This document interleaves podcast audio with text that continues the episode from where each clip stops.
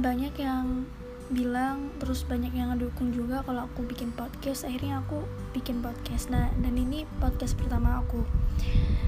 Jadi uh, di podcast pertama aku ini aku pengennya sih kita sharing-sharing dulu aja. Jadi jangan langsung ke tema kita langsung sharing yang masalah apa gitu. Jadi banyak yang nanya juga. Uh, seru nggak sih kak kalau misalnya kita tuh sekolahnya tuh sekolah boarding gitu? Karena kakak kan boarding kan ya kak? Ya jadi aku udah boarding selama lima tahun. Karena yang dua tahun SMA ini aliyah itu aku akselerasi jadi aku cuma dua tahun gitu. Terus suka dukanya sih banyak banget pastinya tapi menurutku ya seru aja sih kalau udah lama.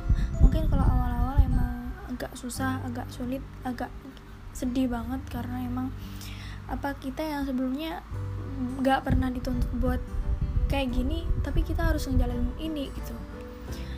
Terus ya buat teman-teman yang mungkin uh, adiknya atau yang emang pengen boarding setelah ini ya menurutku sih emang ngebantu banget. Maksudnya kalau uh, buat pemuda-pemuda zaman sekarang gitu kan ya.